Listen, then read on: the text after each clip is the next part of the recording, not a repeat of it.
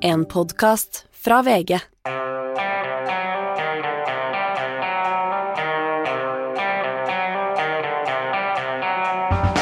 Jens Stoltenberg trekker seg som sentralbanksjef og prioriterer Nato-sjefjobben i stedet, i hvert fall ett år til. Og bør Ole Einar Bjørndalen klargjøre sitt forhold til russisk idrett? Dette er Gjengen, det er torsdag den 24. mars. Today, NATO leaders agreed that we must uh, and will provide further support to Ukraine. We will continue to impose unprecedented costs on Russia, and we will reinforce allied deterrence and defense. Ja, det var eh, Jens Stoltenberg eh, på talerstolen i Nato i ettermiddag. Eh, og Per Olav Ødegaard, altså ofte i journalistikken så er alt tima og tilrettelagt. Det har vært spekulert i i hvert fall en uke på at eh, Stoltenberg ville ta et år til i eh, Nato, siden situasjonen er som den er. Det vi ikke var så forberedt på, som du ble presentert for mens du sto i studio for å kommentere Stoltenbergs tale, det var at han skulle trekke seg som sentralbanksjef. Ja, det var virkelig en stor overraskelse. Det lå jo litt i kortene at uh, han ville fortsette uh, som generalsekretær en periode, ettersom han nå på morgenen i dag, og vel også i går kveld, sa at dette er opp til land, de 30 landene i Nato å bestemme. Så det har vi nok ventet. Uh, og det at det ble et år, i hvert fall i denne omgang, et år, det var jo ikke så uventet heller. Men, men forventningen lå jo at han da ville komme hjem, et år forsinket riktignok, men da gå inn i rollen som sentralbanksjef. Så det var en stor overraskelse for meg, i hvert fall. Det var jo en del kritikk rundt utnevnelsen av han for en stund siden, men har, vi, jeg har ikke sett noen kritiske røster sånn på forhånd som sa at nei, vet du hva, hvis han skal Nå må han velge, nå må han enten komme hjem, eller, eller Var han under noe slags press her til å si fra seg den jobben, tror du? Jeg tror de aller fleste har forståelse for den uh, veldig spesielle situasjonen uh, som både han og vi alle på en måte er kommet opp i uh, etter at Russland for akkurat en måned siden i dag angrep Ukraina. Så ble på en måte alt forandret. også en, en, og en del av dette var dette med at det ble Om Nato skulle kunne bruke tid nå og krefter på å finne en erstatter, en som kunne gå inn som generalsekretær, Eh, fra, fra, høsten, da. Eh, det, det, er, det, er, på en måte ikke der eh, Det er ikke det de trenger å tenke De har veldig mye annet å tenke på nå enn akkurat det å lete etter en ny generalsekretær. Nå får de seg god tid til å gjøre den, den jobben. Og vi har jo en utmerket, det er jo alle understreket, utmerket sentralbank Eh, sjef i Ida Wolden Bakke, som har jobben nå, og som eh, vil bli utnevnt, skjønner jeg, på finansminister eh, Vedum eh, snarest mulig. Det er vel statsråd eh, i morgen. Men man må jo si at det har vært mye bråk rundt den jobben til ingen nytte her, hvis det er lov til å si det midt oppi den alvorlige krigssituasjonen? Ja, ja, og det, altså, jeg tror de aller fleste var enige om at uh, i den til den jobben der så hadde man to veldig sterke søkere. Ehm, den ene ble jo da utnevnt eh, til eh, sentralbanksjef. Den andre da var, eh, var visebanksjef, viseleder, og, og, og, har jo gått inn i rollen. det var jo helt klart også, fordi Stoltenberg kunne jo ikke tiltre umiddelbart når, når Olsen gikk av. Så det var jo helt klart at at Volden Bakke ville bli sittende og styre denne butikken en, en, en god periode. Eh, og så tenkte man vel at eh, Fordi jeg tror det var stor forståelse for at Nato ønsket eh, Stoltenberg, Stoltenberg, med videre en periode, og at da, men at han da ville komme tilbake. Og jeg har ikke oppfattet noe stor politisk støy og uenighet om akkurat det. Men uh, betyr dette at han kanskje blir bedt om uh, lengre enn et år? Eller må han nå hjem og han er vel så gammel at han akkurat eh, kvalifiserer for AFP hvis han kommer hjem om et år? Ja, jeg vet jo ikke hvordan eh, Stoltenberg tenker her. Altså, han sa jo så sent som for en drøy uke siden, da var det et ekstraordinært forsvarsministermøte i Nato, og da sa han jo at hans hensikt var å komme hjem til høsten og gå inn i den jobben han hadde fått. Uh, så tror jeg da uh, at uh, presset på at han skulle fortsette, har sikkert økt i styrke. Og uh, så har han da uttalt seg nå før dette møtet at dette får medlemslandene avgjøre. Um, så han har jo ikke vært veldig tydelig på det punktet der, men, men vi har jo i lang tid visst at viktige land i Nato, USA, Tyskland, andre, har ønsket at han skulle fortsette.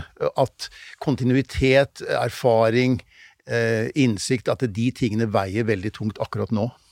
Eh, det kan vel også hende at Jonas Gahr Støre han ble intervjuet i, i Brussel akkurat da, da, vi gikk inn i studio her, men det må jo kanskje også være en lettelse for han å slippe å ha sin tidligere regjeringssjef og personlige venn sånn rett borti gata som uh, sentralbanksjef. At han uh, slipper unna mye spekulasjoner om uh, uh Kokeli Munke og Arbeiderpartistat og i det hele tatt?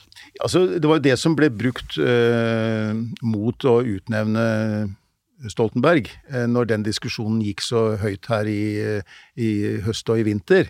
Ingen trakk jo i tvil hans Eh, egentlig kvalifikasjoner og i tillegg hans store internasjonale erfaring, som også er, betydnings, er betydningsfullt for uh, sentralbanksjefen. Men, men, det var jo den, nettopp den um, hans vennskap, hans partibok, alle disse tingene som ble trukket inn. Um, og nå er jo Vollen Bakke kommet godt i gang i jobben. Hun har allerede vært ute i dag og satt opp renta og varslet at det kommer flere økninger, og gjør de tingene som en sentralbanksjef må gjøre. Ja, må mane til moderasjon og, og, i det hele tatt. Jeg, jeg prøvde å spørre Hanne Skartvedt her om hvor vanskelig kan det egentlig være å være som sentralbanksjef, men da fikk jeg vite hvor David kjøpte ølet. Eh, ok, eh, sa han noe annet som var verdt å, få med seg, eller er vi i Norge nå bare opptatt av sentralbanksjefsituasjonen? Uh, ja, altså Dette møtet i Nato i dag er jo viktig. Det er ett av eh, tre sånne store, viktige samlinger som er i dag. Eh, G7-landene møttes umiddelbart etter eh, Nato-landenes toppmøte, og så skal EU også ha et uh, toppmøte senere i dag, som fortsetter i morgen. Um, Joe Biden er tilbake i Europa uh, uh, for første gang siden i fjor sommer. Og det er jo nesten verdt å tenke litt på hvordan verden har endret seg siden den gang. Han var, kom til Brussel da for å på en måte reparere forholdet til vestlige allierte og si at USA er tilbake eh, og eh, satset veldig på å, å, å, ha et sterkt og godt forhold til sine allierte. Han dro derfra videre til eh, Genéve for å møte Vladimir Putin. De hadde en samtale der, en lengre samtale, og om det ikke kom så veldig mye substansielt ut av det, så ble de faktisk enige om en del saker og ting og skulle arbeide videre. Nå er vi i en helt annen situasjon etter det som har skjedd den siste måneden. Å få Biden og Putin til å snakke sammen, det Eh, er det ikke noe særlig håp om akkurat nå. Nei, men de, jo, de, de, holdt jo telefonkontakt inntil kort tid før invasjonen startet. Det var jo uh, flere samtaler der også. Uh, nå er det europeerne som i, grad, i, større grad snakker med Putin, og Men ingen av dem har jo klart å overbevise ham om å stanse denne krigen, så langt.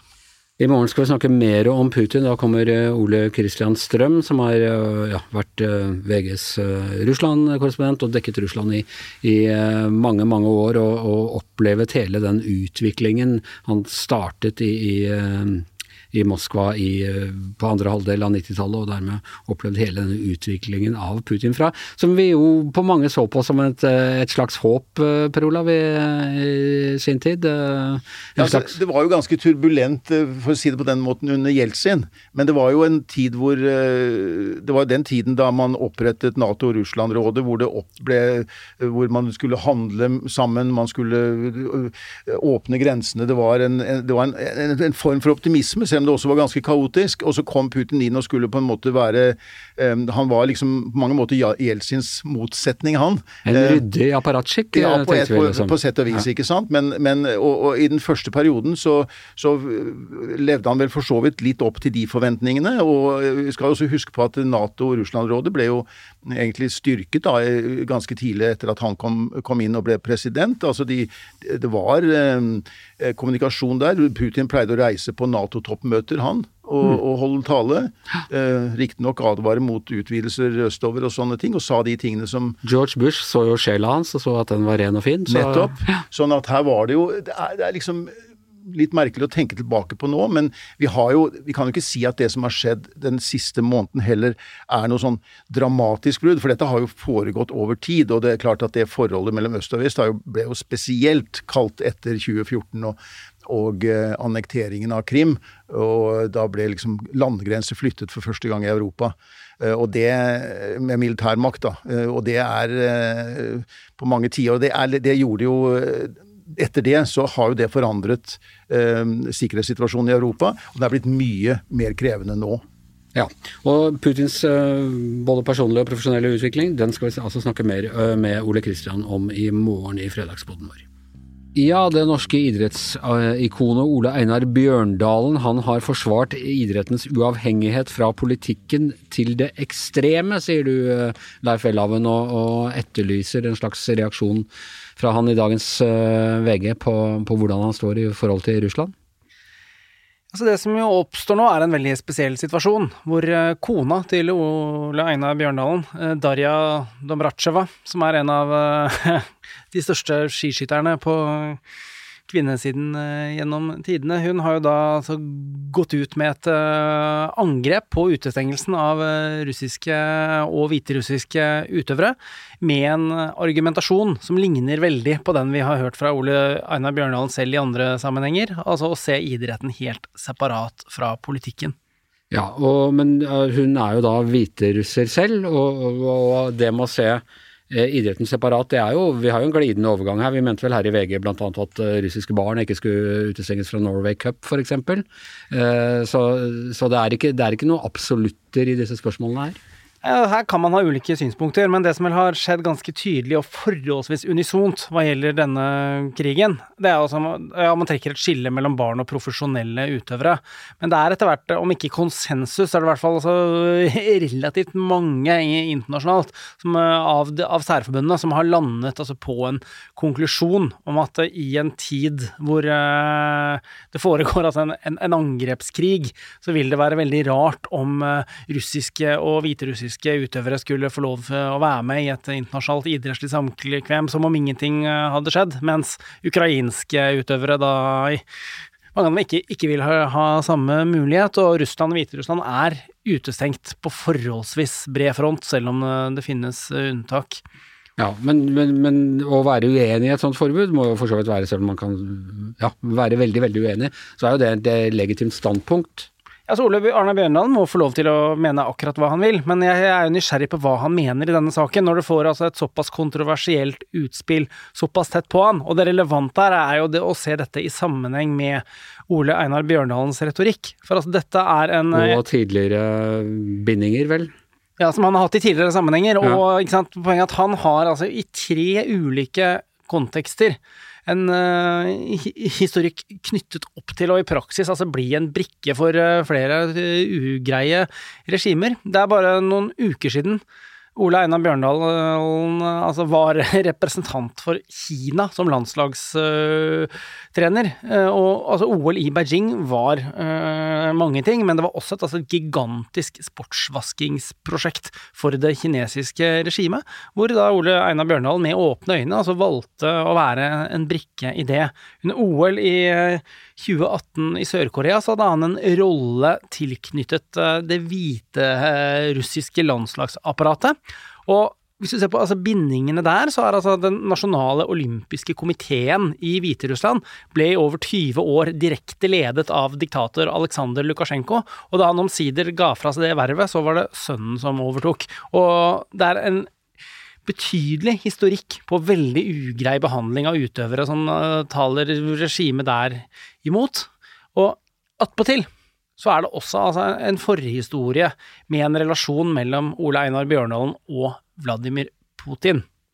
Han var altså i forkant av at uh, Russland vant uh, vant retten til å arrangere OL i Sotsji, så var han altså hentet inn som en trekkplaster i Putins residens utenfor Moskva, og ble aktivt brukt i så måte, og han har etterpå til og med altså uttalt at han mener at altså Putin fra et sportslig synspunkt uh, har vært bra å ha som uh, president. Ja, og det, ser veldig rart ut i våre dager, men det, noe, det, er ikke noe han har sagt nå. Uh, det ligger såpass langt tilbake i tid at dette var en tid hvor, hvor man fortsatt mente at det gikk an å få til et fruktbart samarbeid med, med Putin. Altså, både ja og nei, det avhenger litt av hvor du trekker grensen.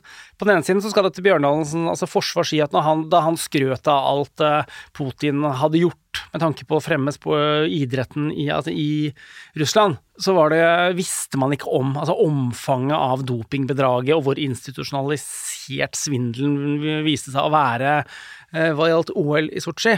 Altså samtidig så kom uh, altså uttalelsene om Putins fortreffelighet etter at uh, annekteringen uh, av Krim hadde pågått uh, en god stund. Så det var, altså, det var mulig å gjøre seg opp en del, altså, en, del oppfatninger. Men, men, han var ikke alene om å liksom rettferdiggjøre den, den typen annektering.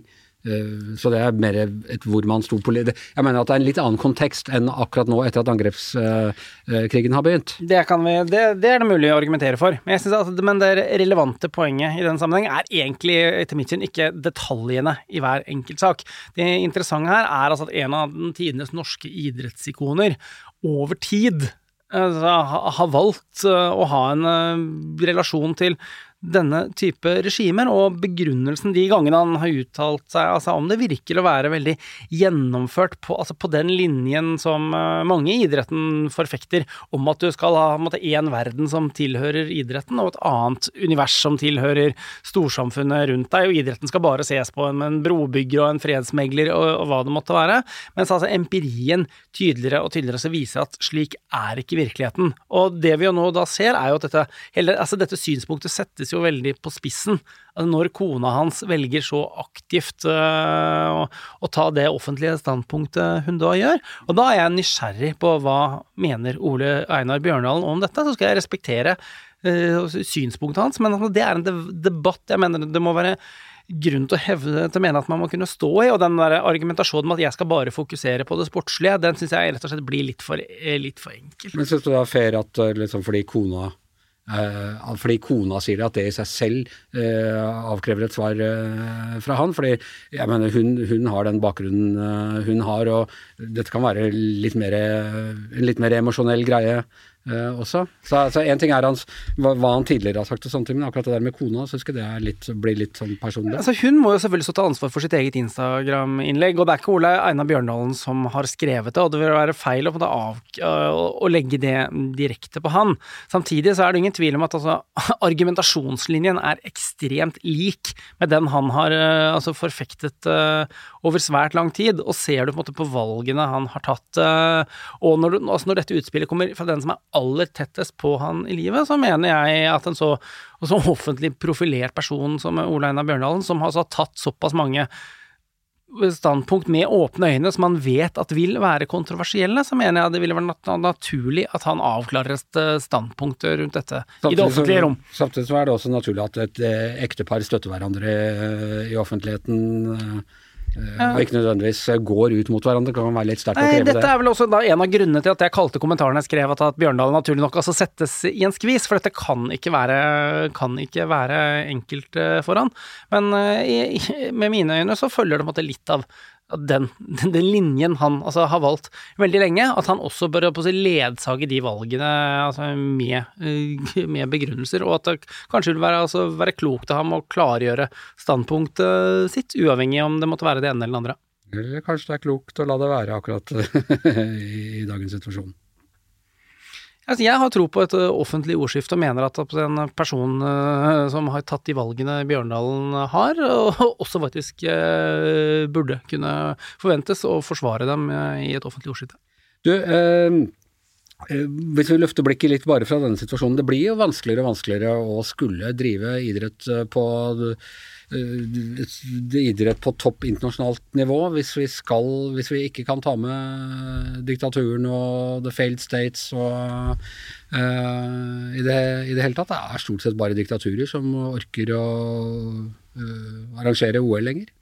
Altså, vi er i en legitimitetskrise for flere av de største internasjonale idrettsarrangementene, som egentlig er noe som har utviklet seg over veldig lang tid. Som er mange, det er mange grunner til at vi har havnet der. Nye er på en måte overkommersialiseringen. Du har en del sånn styringsstrukturer som ikke har hengt uh, ordentlig med i, med i tiden. Og den debatten som kommer Eh, og den kom også før. altså Den situasjonen vi står i nå, handler litt om hva slags verdigrunnlag og hva slags type internasjonale idrettsarrangementer ønsker vi å ha. Og det er selvfølgelig bekymringsfullt dersom det utvikler seg slik at det, slik at det blir som den avdøde eh, presidenten i Det internasjonale skiforbundet, Gianfranco Casper, snakket om at det er mye greiere å arrangere det i diktaturer, for da, da, er det så mye enklere å få gjennomført det. Så det er en sånn liksom, verdikamp som pågår allerede. Ja, og, men, men, og hvis, man kutta ut, hvis man kutta ut diktaturene, så ville du ikke få en reell altså Idrettslig prestasjon er jo måling av fysiske prestasjoner, og hvis man kutter ut da en del av verden, vel, da gir du mindre legitimitet til de uh, medaljene man eventuelt vinner.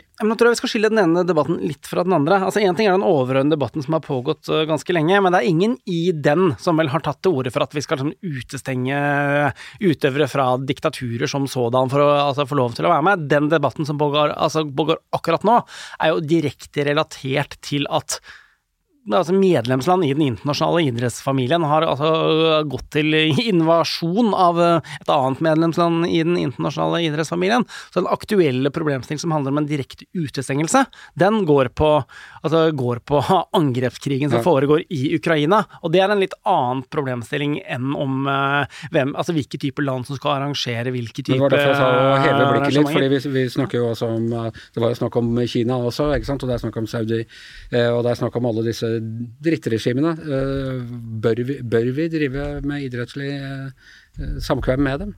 Altså, jeg har prinsipielt tro på at vi, vi, må kunne konkurrere mot hverandre, uavhengig av hvilket land vi, eh, vi, kommer fra. Men det er et problem altså på systemnivå hvis en så høy andel av de internasjonale arrangementene nå altså går til regimer som så åpenbart altså bruker det som et verktøy verktøy, et PR-middel for å rett og slett vaske det offentlige inntrykket av seg selv. Og det er det samme om de kjøper altså fotballklubber i England, eller om de, eller om de arrangerer de olympiske leker. Her har det vært en utvikling i løpet av de siste tiårene som ikke har vært uh, veldig heldig. Og det er noe med liksom verdigrunnlaget på hva de olympiske leker f.eks. en gang i tiden var, som er veldig langt fra hva det, hva, hva det er nå. I 1932, da det var uh er, men vi kommer ikke tilbake igjen dit vi var. Men, eh, men hva vil vi, hva slags idrettsarrangementer vil vi ha, hvordan skal det være i framtida? Det er et tema som er verdt å debattere. Og da mener jeg at en stemme som Ole Einar Bjørndalen hører inne i et slikt ordskifte, all den tid han tar de valgene han faktisk eh, gjør og har gjort over mange år. Da blir det spennende å se om han tar eh, utfordringen. Tusen takk skal du ha, Leif Welhaven. Og da har vi en, eh, en, nyhet her på tampen. Um, fra mandag 4. april, det er altså ikke nå på mandag, men neste gang mandag, så blir det endringer uh, på Gjever og gjengen. Da flyttes vi til en app som heter Podme. Og sendingene fra mandag til torsdag, da må du ha den appen for å kunne høre på oss. Eh, den appen er eh, en stund framover så er den inkludert i VG+, sånn at hvis du er VG abonnent eller blir VG abonnent nå, eh, så får du da fortsatt gratis tilgang på, på disse podkastene. Eller hvis, du har Aftenposten-abonnement, dette er jo innenfor Skipsted. Og fredager vil vi uansett være gratis, slik vi alltid har vært. Men eh, hvis du vil høre oss hver dag, eh, så kan du like godt ta og laste ned den appen fra Podme nå, så er det gjort. Eh, de beste tingene i livet er gratis, men journalistikk, det koster penger.